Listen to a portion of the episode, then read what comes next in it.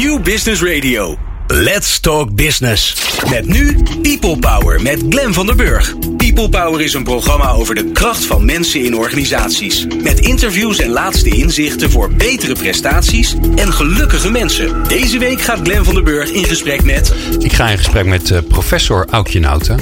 Uh, weer professor, zo was het even niet, maar ze is het weer geworden. We gaan het er straks uh, zeker over hebben.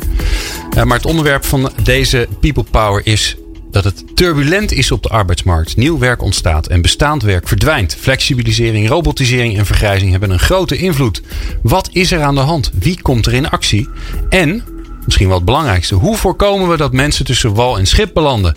Elke maand onderzoeken we deze vragen in People Power, waarbij we de arbeidsmarkt, of in ieder geval de transformatie van de arbeidsmarkt, centraal stellen. Ik zei het al even tegen je. Te gast is Aukje Nauta. Ze is hoogleraar en ondernemer. En ze is dé expert op het gebied van employability. Met Aukje gaan we in gesprek over de flexibilisering van werk. Welke flexibilisering ziet zij? Hoeveel flex kan een mens eigenlijk hebben? En hoe ga jij daarmee om als organisatie? Ook managementdenker Jeroen Buescher is weer van de partij met zijn maandelijkse column Bueschers Bespiegeling. En Pieter Jan de Bree, mijn fijne collega, is vandaag mijn co-host. Dus als hij zijn vinger opsteekt, dan uh, mag, hij, mag hij een vraag stellen. Fijn dat je luistert naar People Power.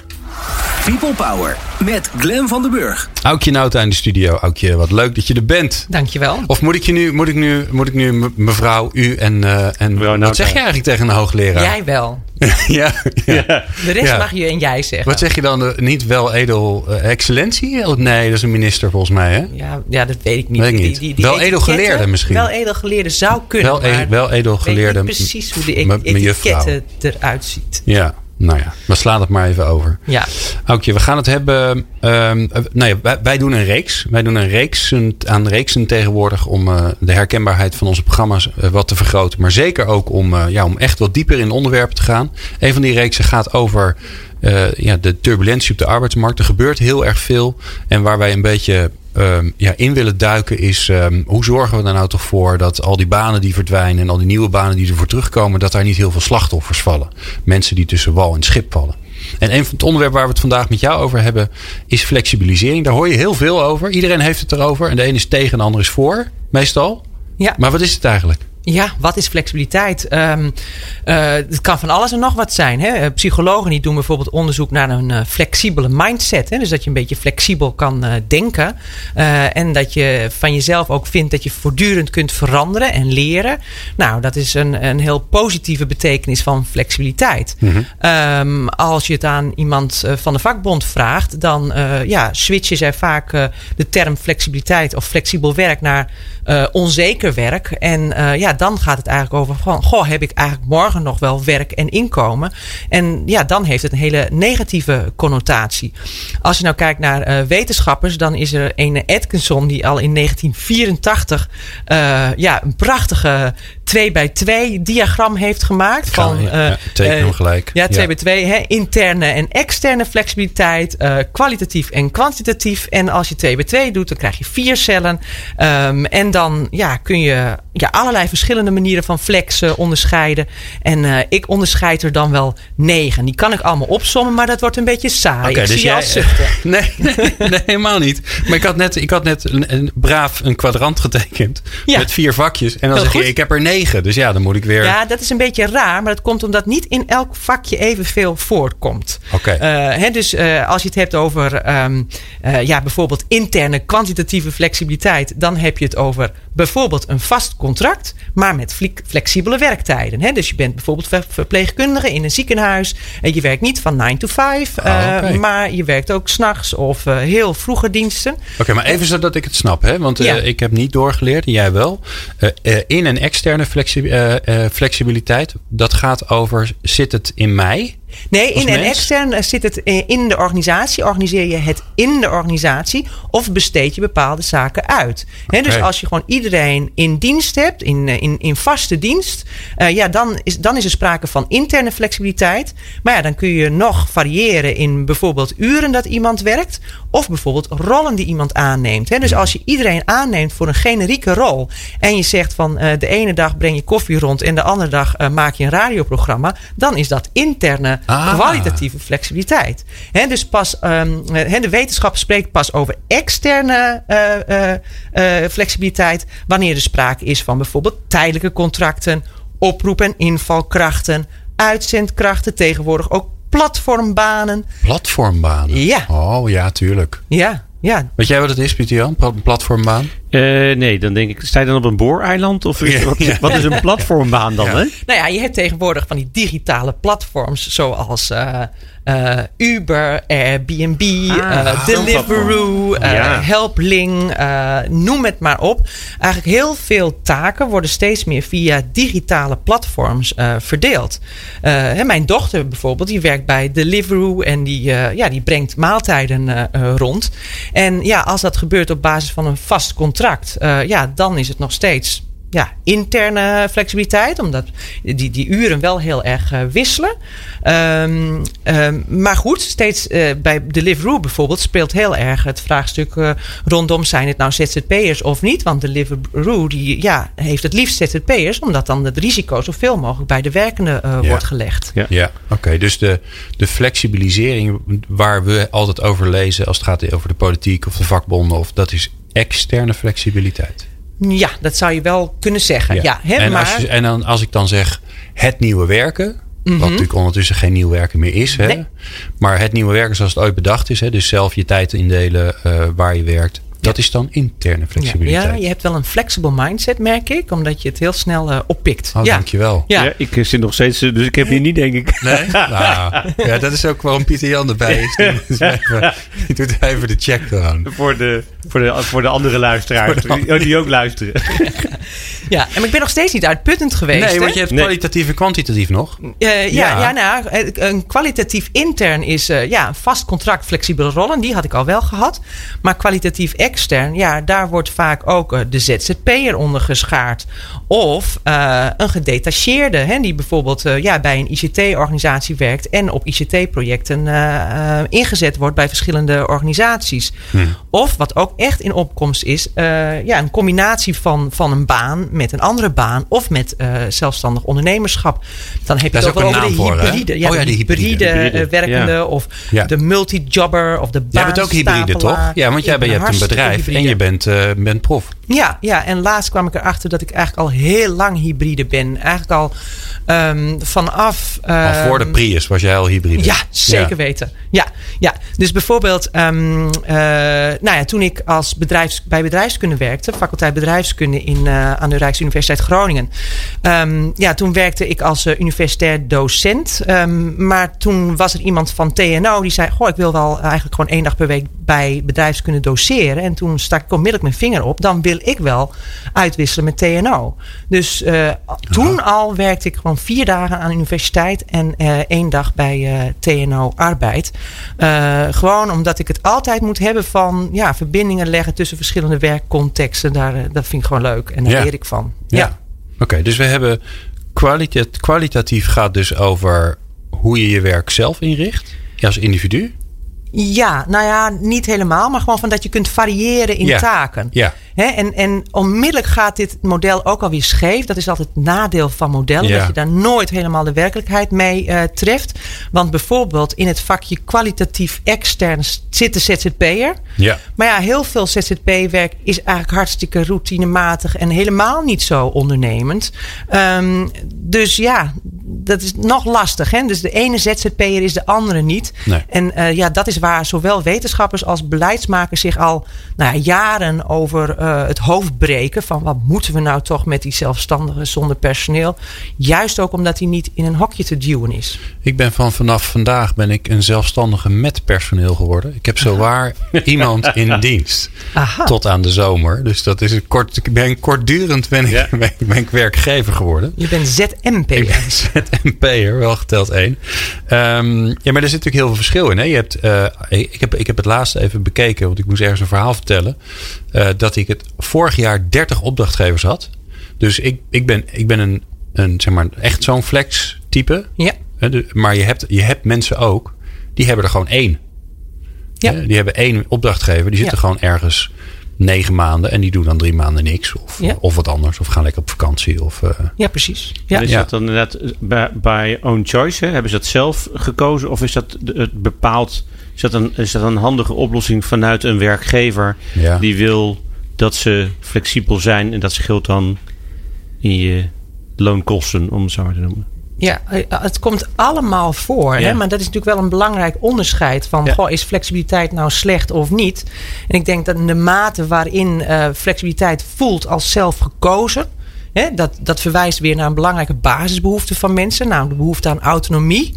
Eh, ja, is de kans ook groter dat je er gelukkiger van wordt. Maar naarmate je het idee hebt, goh, ik word meer gedwongen in een bepaalde flexibiliteit. Ik zou meer zekerheid willen of ik zou meer nou ja, langduriger hetzelfde willen doen.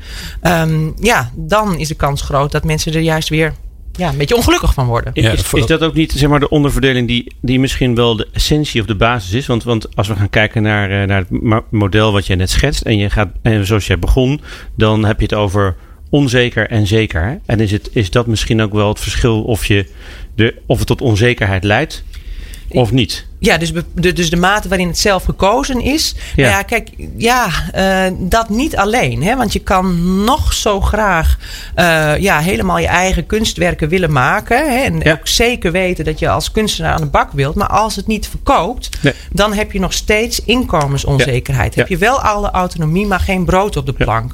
Hè, dus het is juist goed om naar al die aspecten die meespelen bij ja, wanneer ben je happy en healthy op de arbeidsmarkt. Hè, dat, dat heeft te maken met inkomenszekerheid. Het heeft te maken met ja, eh, kennis en vaardigheden, met je netwerk, eh, met je wendbaarheid.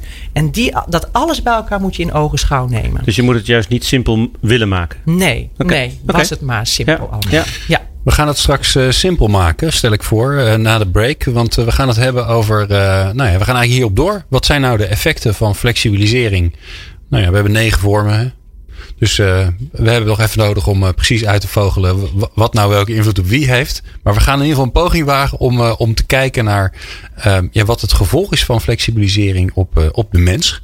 Waar die nou, ja, wat die aan kan en wat niet. En dat hoor je straks. Meepraten of meer programma's? people-power.nl We hebben het over de arbeidsmarkt. En eh, wel specifiek de flexibilisering. We hebben het net al even over gehad met, eh met Aukje Nauta. Professor Aukje Nauta moet ik eigenlijk zeggen. Officieel, dan hou ik er nu mee op met er mee te plagen. Maar ze is net weer professor geworden, dus dat is hartstikke mooi. Ehm, ehm, ja, eigenlijk vertelde je net Aukje... eh, flexibilisering is niet eendimensionaal. Hè? Het zit, het zit eh, ingewikkelder en daardoor ook rijker in elkaar. Daardoor is het ook een leuk onderwerp, anders waren we snel klaar geweest. Eh, je hebt interne flexibiliteit, dat zit in je organisatie. En je hebt externe flexibiliteit, dat, dat zit erbuiten. Ja. En je gaf daar mooie voorbeelden van. Hè? En je hebt eh, op de andere as, dus mensen sch- schetsen nu een plaatje in hun hoofd eh, met vier kwadranten. En aan de onderkant staat eh, in en extern. Dat zijn twee, twee vakjes. En dan aan de linkerkant staat kwalitatief en kwantitatief. Kwantitatieve flexibiliteit, wat is dat dan? Nou ja, dat, dat gaat ei- eigenlijk over het opvangen van dat je soms meer en soms minder werk hebt. Denk bijvoorbeeld aan seizoenswerk. Als er asperges geplukt moeten worden, dan heb je opeens een hele hoop mensen extra nodig die je in de wintermaanden niet nodig hebt. Dus moet je ineens opschalen en dan is het handig ja, dat je dan een uitzendbureau hebt die voor jou die flexwerkers eh, kan verzorgen. Ehm, en dat is dus heel anders dan, dan kwalitatieve flexibiliteit. Want dan gaat het erom van, goh, je had eerst iemand nodig die eh, ja, kon programmeren. En, eh, en nu heb je eigenlijk meer iemand nodig die bijvoorbeeld computerprogramma's inkoopt. Nou, kan, kan je dat door dezelfde persoon eh, laten doen of niet? Of heb je dan andere ICT'ers van een ICT-bedrijf nodig? Oké, en, de, en die uitzendkracht, even kijken of ik het snap, die zit dan in de kwantitatieve extern, want die haal Ja. je ergens anders vandaan. Ja, ja. En hoe zou die er dan intern uit kunnen zien? Eh, hoe dat er intern uit kan ja, zien? kwantitatief intern. Eh, Want dan hebben ze alle wow. vier gehad, hè? Ja, nou ja, kijk, het, het, het, het goede om naar het hele plaatje te kijken is... en daarover heb ik al eens een eh, artikel geschreven met Jaap Jongejan... Hè, waarin we zeiden van het is eigenlijk heel gek... dat je als je naar de arbeidsmarkt kijkt... dan hebben we flexibiliteit eigenlijk heel vaak verdeeld tussen personen. Dus eh, ongeveer 60% van de mensen heeft vast werk, 40% heeft niet vast werk. Of toen, toen die tijd was het 80-20. En stel dat je het niet, nu niet tussen personen verdeelt, maar binnen personen. Dus dat je als het ware zeg maar, eh, de, de matrix kantelt. Ja. Ehm, en dat je zeg maar, eh, mensen 80% van hun tijd iets vast laat doen en 20% iets flexibels. Dat is veel menselijker. Um, en het geeft mensen ook de gelegenheid om buiten hun organisatie eens wat anders te doen. En dus dan heb je nog steeds wel interne flexibiliteit. In die zin dat mensen een vast contract hebben. Maar omdat ze een deel van de tijd ook buiten de deur werken, stages lopen, een opleiding doen, lekker aan het spelen en het klooien zijn. Uh, ja, heb je toch ook weer die winst van, um, ja, van, van die kwantitatieve uh, flexibiliteit. Ja. Hè, en dat gooit natuurlijk het hele modelletje van zo net weer totaal overhoop. Ja, maar het snapte maakt ik hem ja, net. Dan ja. kom je hier weer mee. Ja, maar, maar ik vind hem wel interessant. Ja, Maar ik vind hem wel interessant. Want wat mij ook wel ehm, eh, steekt. Is dat, eh, is dat, er, is dat het- de arbeidsmarkt begint een soort haves en not haves te worden. Hè? Dus je, Ja. je, je hebt een vast contract. Je werkt bij een of ander mooi bedrijf. Dan heb je alles. Hè? Ik, eh, ik, als ik dat wel eens vergelijk. En ik kijk eh, wat mijn eh, geliefde. Die werkt bij een mooie grote organisatie. Wat er allemaal geregeld is. Hè? In cao's en zo. Dan is dat prachtig. Ja, Nou, ik werk voor mezelf. Dus ik heb niks. Ik moet alles zelf regelen en alles zelf betalen. Dus weet je ook wat het kost. En Dat is, dat is best wel een groot verschil. En dan wil ik Ja. niet ruilen hoor. No worries. Want ik heb het prima naar mijn zin. Maar ehm, eh, als, je, als je dat vergelijkt. Dus iemand die bij een, eh, die bij, laten we zeggen, een bouwbedrijf werkt. En onder de CO valt. Of iemand die ZZP't voor een bouwbedrijf. Ja, dat is zo scheef. ja, dat is ook zo. En dan zou ik inderdaad zeggen, dat zou veel eerlijker eigenlijk zijn. Ik ben wel benieuwd wat de vakbond daarvan vindt. Dat ze zeggen, nou weet je, eh, iedereen die in de sector werkt, die krijgt eh, een vast contract voor vier dagen.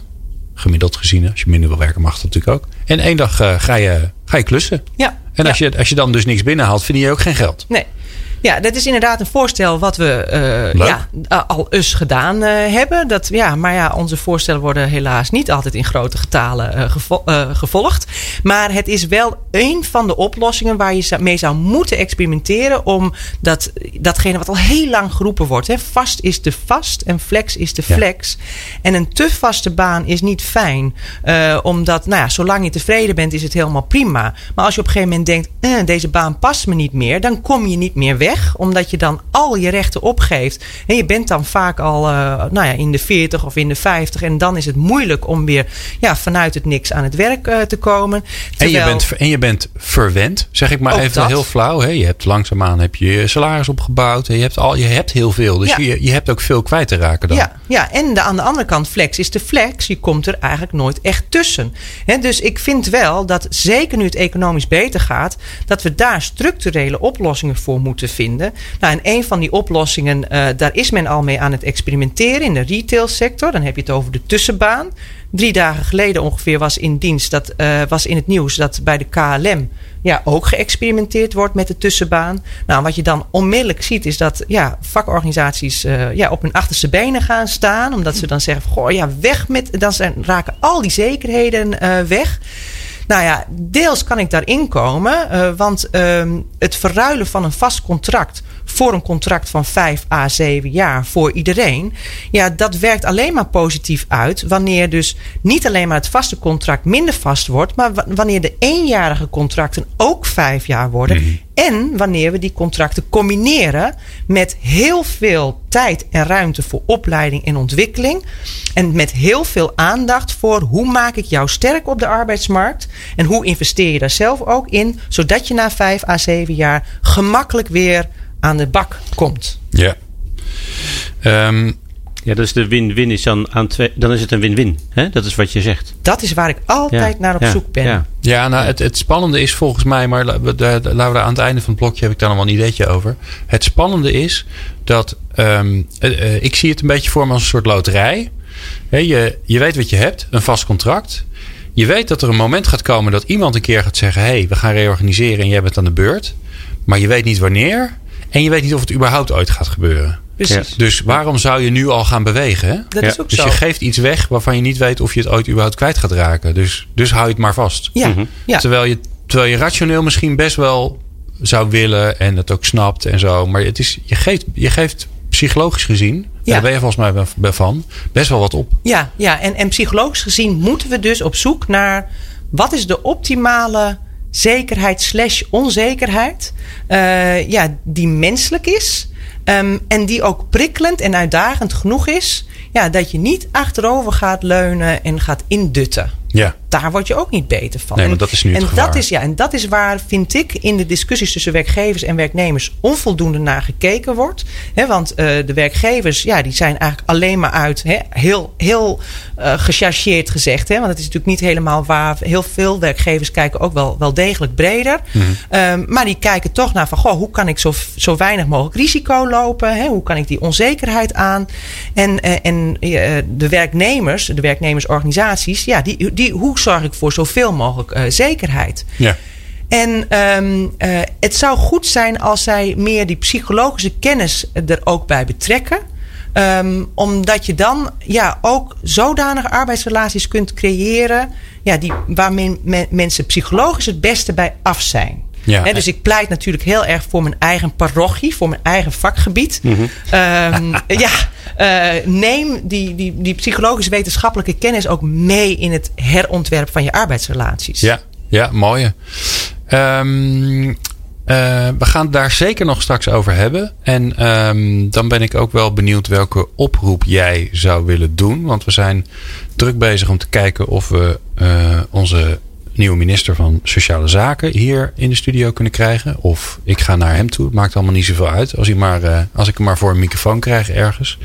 Um, dus ik ga je straks aan het einde van het programma, dan kun je er vast over nadenken, aan je vragen. Wat zou je hem willen vragen? Oké. Okay. Uh, we gaan zo eerst bellen met Jeroen Buscher. Want uh, die uh, zit, als het goed is, weer klaar voor zijn maandelijkse bespiegeling. En die hoor je straks. Meepraten of meer programma's? people-power.nl In a world of continuous change, where managers meet unprecedented challenges, there is one man that can help you. Jeroen Buescher.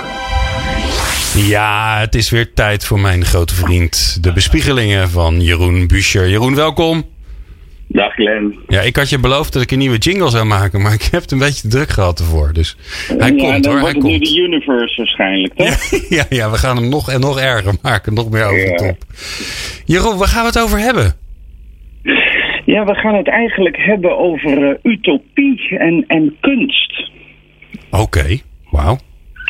Nou, Kom maar op, zal ik dan maar beginnen? laat maar doen. De kunstenaar Constant Nieuwenhuizen was uh, ooit voornaam lid van de Cobra-beweging.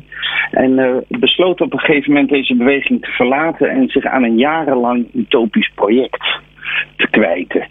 En dat, dat, uh, dat project heette Nieuw Babylon. En uh, zijn gedachte was dat de wereld ingrijpend zou gaan veranderen in de decennia die naar, daarna zouden volgen. En uh, hij begon maquettes te bouwen van die nieuwe wereld, Nieuw Babylon.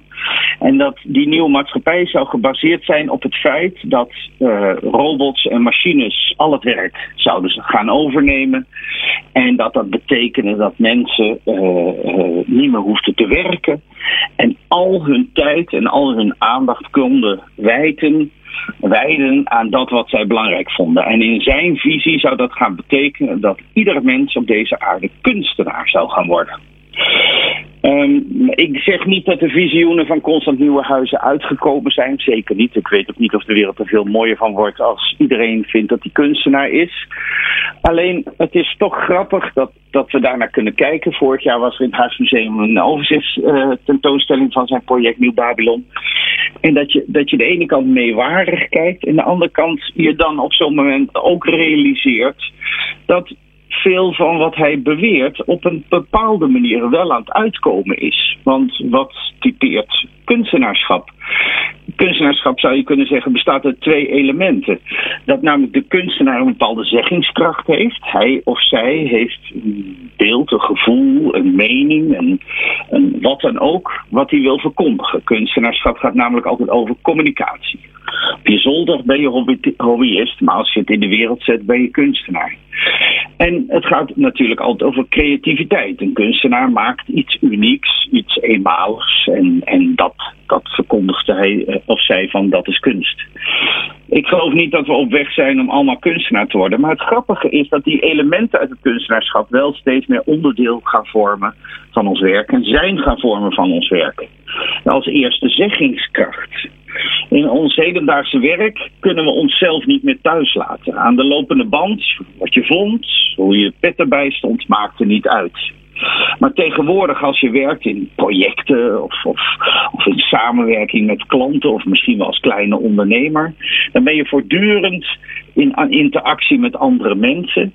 En, en gaat het ook heel erg om hoe de dingen gebeuren. Wie komt er binnen als jij binnenkomt? Die persoon gaat ook bepalen hoe de samenwerking gaat zijn, gaat ook bepalen op welke manier we waarde voor onze klanten gaan creëren.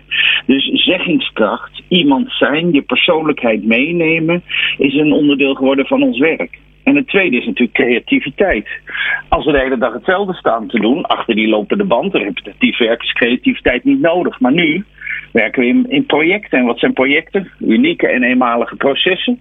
Moeten we een oplossing voor iets verzinnen? Of, omdat het een vernieuwing is, maar het kan ook maatwerk zijn. Het kan ook zijn dat het iets is wat we samen met onze klanten of met anderen een oplossing zoeken voor iets. Kortom, zeggingskracht en creativiteit zijn integraal onderdeel geworden van ons werk. En ons zijn als werker, ons professionalschap. En dat betekent dat, dat Constant Nieuwenhuis, nou, niet gelijk heeft gekregen. Maar laten we zeggen dat aspecten van wat hij zag zeker nu al manifest worden en zichtbaar worden. En wie weet, als dit nog 50 jaar doorgaat en we ons beginnen te beseffen dat we, hoe, hoe, minder we hoeven te werken, hoe harder we zijn gaan werken, dat we erachter komen dat werken in de zin van het vergaren van aanzien en materie niet meer zo belangrijk is. Dat we misschien dan over 20, 30 jaar people power art gaan maken. Wie weet.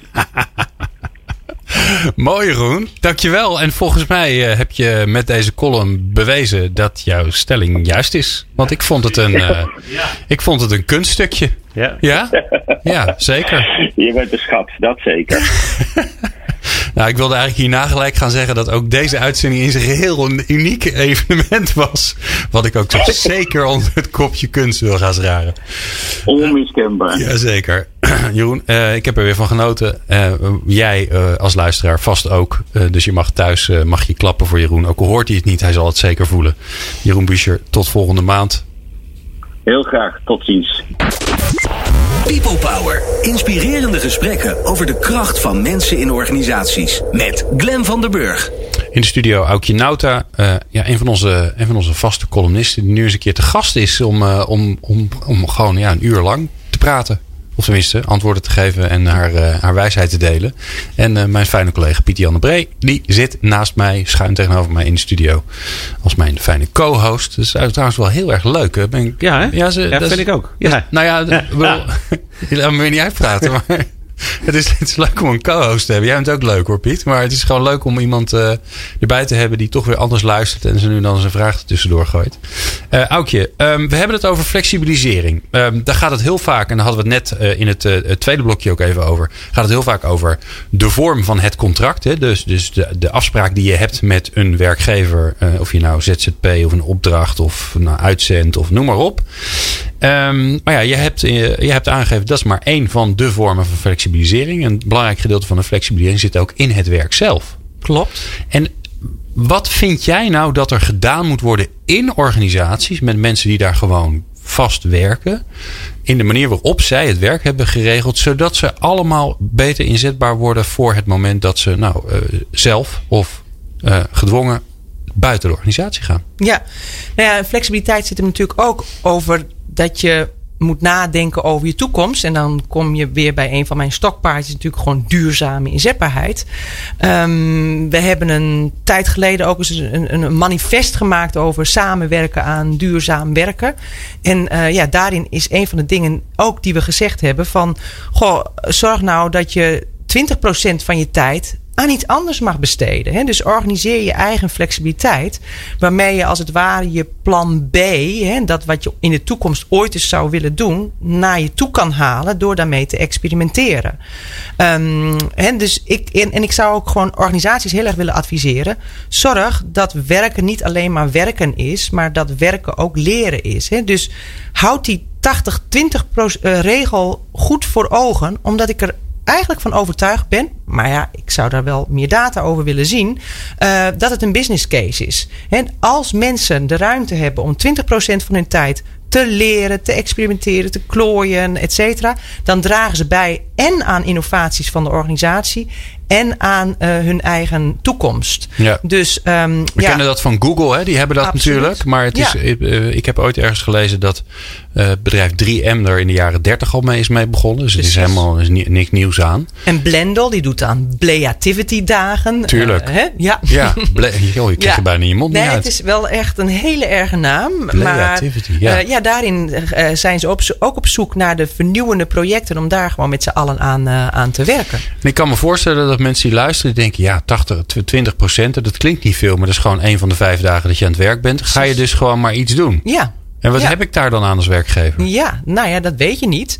Uh, maar we weten ook dat creativiteit uh, gebaat is bij een soort van funnel van ideeën. En dat je eigenlijk moet accepteren dat ongeveer ja, 20%, 10 à 20% van je ideeën echt geniaal zijn. Maar als je daar ja, opeens je omzet met 80% stijgt, ja, dan uh, is dat een business case, zou ik zeggen. Ja, ja. dus jij verwacht dan meer creativiteit. En dus uiteindelijk ook winstgevendheid op de lange termijn. Maar daarvoor moet je wel een beetje duurzaam leren denken. En niet eh, eh, denken in termen van korte termijn winstbejag. Ja, ja, ik probeer het een jaartje uit.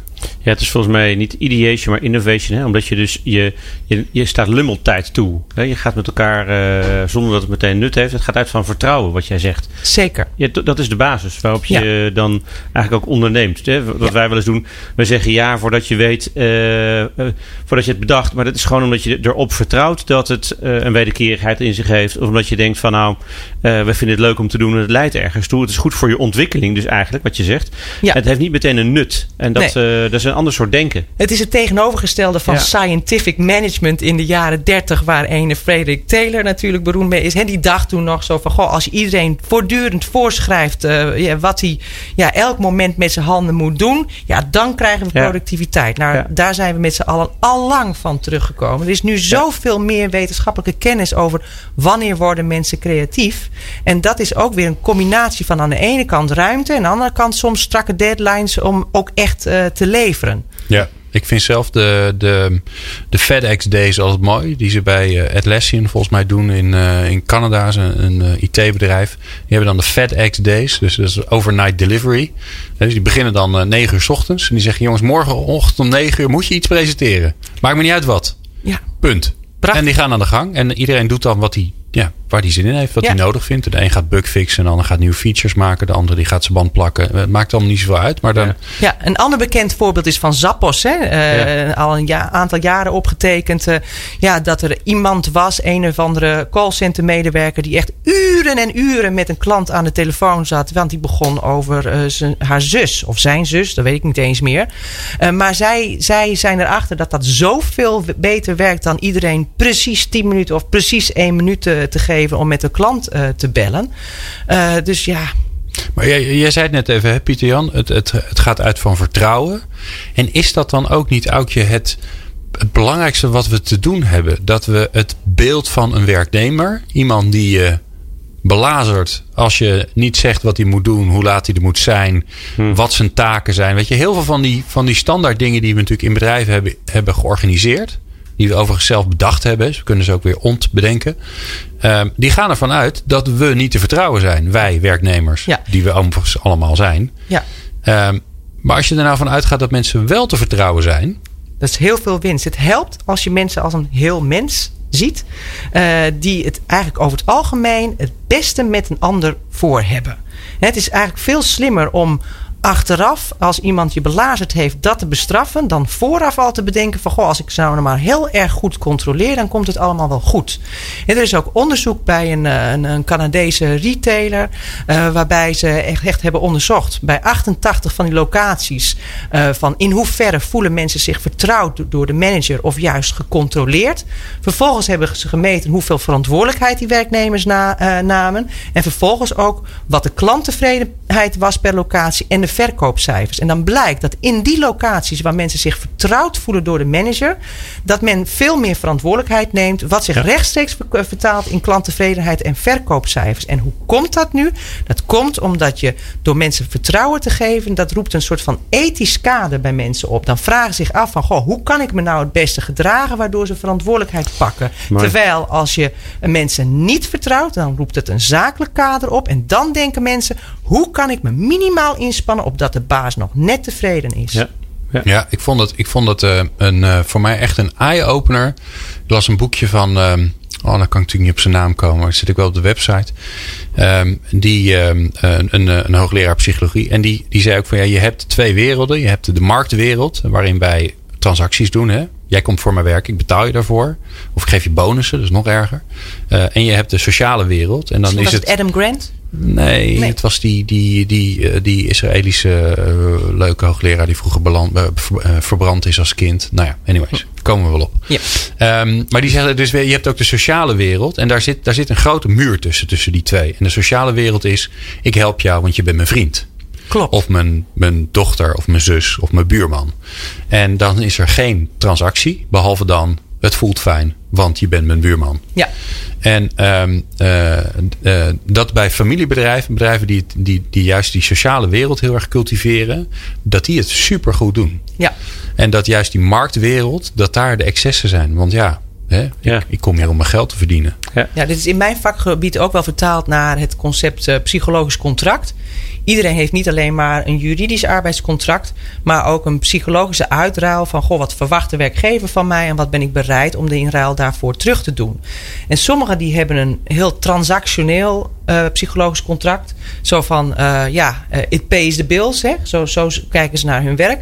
Ja. En anderen, ja, die hebben meer een relationeel psychologisch contract. Ja, die voelen zich haast getrouwd met het bedrijf. En ja, die hebben daar ook heel veel voor over.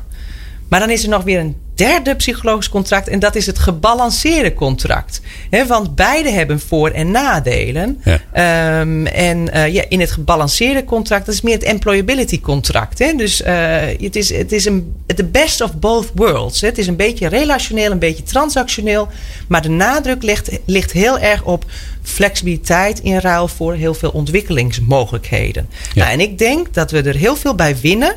Um, ja, als we het arbeidscontract, als we, als we ja, dat weten in te richten, opdat we die optimale balans uh, zien te vinden. Ja, en nou wil ik nog even terug naar, uh, naar het begin. Um, we hebben het over flex. Ik, wil, ik ga het even versimpelen voor mezelf, omdat ik gewoon, anders dan hebben, redden we het ook gewoon simpelweg niet in de tijd. Laten we er even van uitgaan. Flex in de, in de, in de vorm van contracten, hè?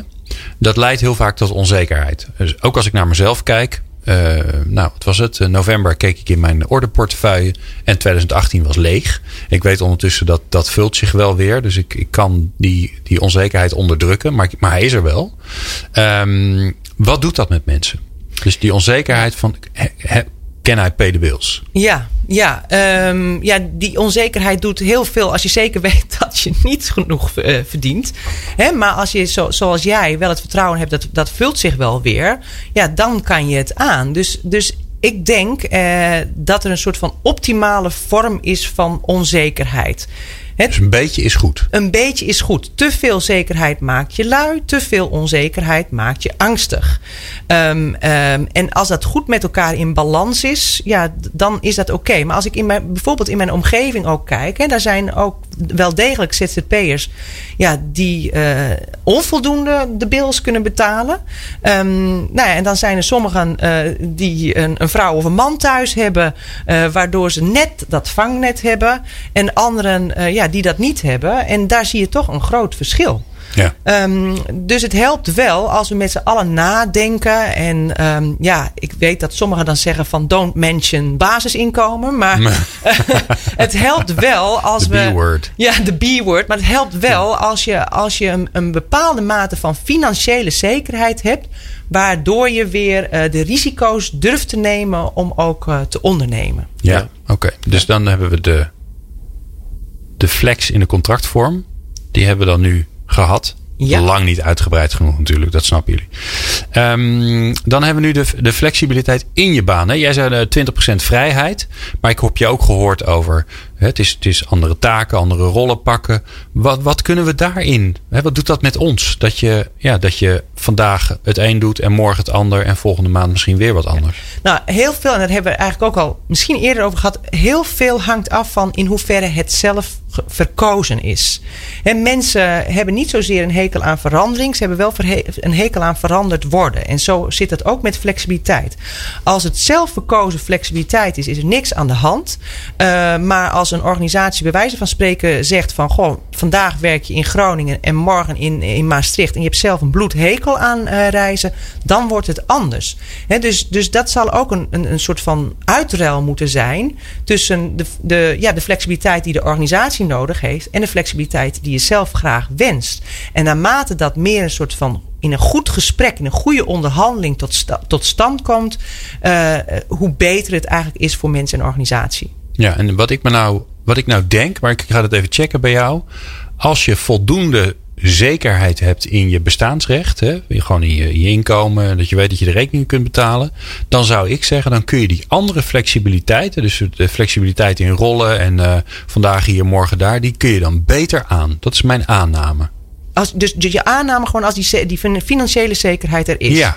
Ja, maar uh, niet helemaal. Want als, als je vervolgens door je baas van hot naar her gestuurd wordt. Of, uh, van, uh, of, of ja, allerlei opdrachten krijgt van vandaag doe je deze taak, yeah. morgen doe je de andere taak. Dan, word je toch dan, van. dan ben je nog steeds heel ongelukkig. Ja. Dus die autonomie is key. En dat weten we ook uit heel veel onderzoek. Eigenlijk is taakautonomie hè, de mate waarin je zelf kunt beslissen in welke volgorde wel, je welke taken doet. Dat je zelf kunt nadenken hoe je bijdraagt aan de organisatie die is, die, die is echt gewoon de sleutel tot, tot werkgeluk en de preventie van heel veel werkstress en werkdruk. Oké. Oké. Nou hebben we uh, ergens um, een kwartier geleden, ongeveer 20 minuten geleden, zei ik tegen jou: ja, we zijn, we zijn druk bezig om uh, Wouter Koolmees uh, voor de microfoon te krijgen, onze minister van Sociale Zaken. Niet dat hij alle oplossingen heeft, natuurlijk. Zo, zo kijken we daar ook helemaal niet naar. Maar ik zou het wel leuk vinden als, als onze gasten die hier in de studio zijn tot die tijd in dit, in dit onderwerp, dat die, ja, die, dat die iets aan hem willen voorleggen. Dus je hoeft hem niet eens wat te vragen. Mag wel. Maar ik kan me ook zeggen, die zegt, nou weet je, ik heb dit idee. Wat vind je daarvan? Ja, ja. Nou ja, dat, dat idee is toch wel gewoon van dat 80-20. Dus hoe kun je uh, werken integ uh, leren integreren in het werken? Ja. Hè? En dus dat betekent niet van 20% hup, allemaal een opleiding beteken, maar, uh, besteden. Maar gewoon innovatie en leren in het werk. Um, maar meer in algemene zin, hè, dat is een soort van oproep tot experiment. Is dat een business case, ja of nee? Maar meer in algemene zin zou ik graag willen dat, uh, uh, ja, dat er meer geëxperimenteerd wordt voordat allerlei beleid in wetten en regels uh, wordt okay. ingevoerd. Maar dan ga je, want hij is een politicus, hè, dus dan zegt hij ja, daar ben ik het heel erg mee eens. En dan heeft hij nog, nog niks gezegd. Dus nu ga je concreet één experiment voorleggen. Dan zeg je, ja. beste meneer Koolmees. Ja, beste doen, uh, spreek ja. maar even tegen, want dan kan ik okay. dit eruit knippen en dan ga ik hem dat laten horen. Nou, beste meneer Koolmees, ik zou het heel erg mooi vinden uh, als er eens geëxperimenteerd wordt met het zogeheten employability contract. Laat ik het dat er dan toch uitlichten. En het employability contract wil zeggen uh, dat je een, je, je vaste baan inruilt of je flexbaan van één jaar inruilt voor een vijfjarig contract. waarbij je daarnaast ja, minstens 20% tijd hebt en en ook geld hebt om aan uh, ontwikkelen, leren, innoveren, spelen uh, te werken. Om te kijken of dat uiteindelijk onze arbeidsmarkt uh, frisser en fruitiger maakt. ja, dan wanneer we nu het vaste nog steeds te vast houden en het flex nog steeds te flex. Hartstikke mooi. Nou, dat, uh, wij hopen dat het ons lukt om dat aan hem te gaan vragen. Want dat betekent dat hij een klein gaatje in zijn agenda gaat voor uh, People Power gaat maken. Aukje, bijzonder bedankt. binnenkort horen we je weer als, als columnist met een mooie aanrader. We gaan niks verklappen wat je gaat vertellen natuurlijk. Hè? maar dat hoor je binnenkort. Um, bijzonder bedankt. Leuk dat je bent gekomen. En leuk dat je om je weer eens live in de studio te zien. Pieter Jan de Bree, dankjewel Woehoe. voor je bijdrage. Leuk dat je er weer was. Volgende week gaan we weer. Uh, volgende week hebben wij weer een aflevering van Leading People Power. Waarin Harry Starre en ik een bijzondere gast hebben. Namelijk Ad van Berlo. Hij is directeur van Van Berlo Ontwerpbureau. En uh, hoogleraar aan de TU Eindhoven. Um, ja, en we gaan met hem praten hoe hij naar de, de wereld kijkt. En wat hij doet om, uh, om die wereld van, van de toekomst. Om die nu al vorm te geven. Dat hoor je volgende week bij People Power. Maandag, 3 uur. People Power. Meepraten of meer programma's? people-power.nl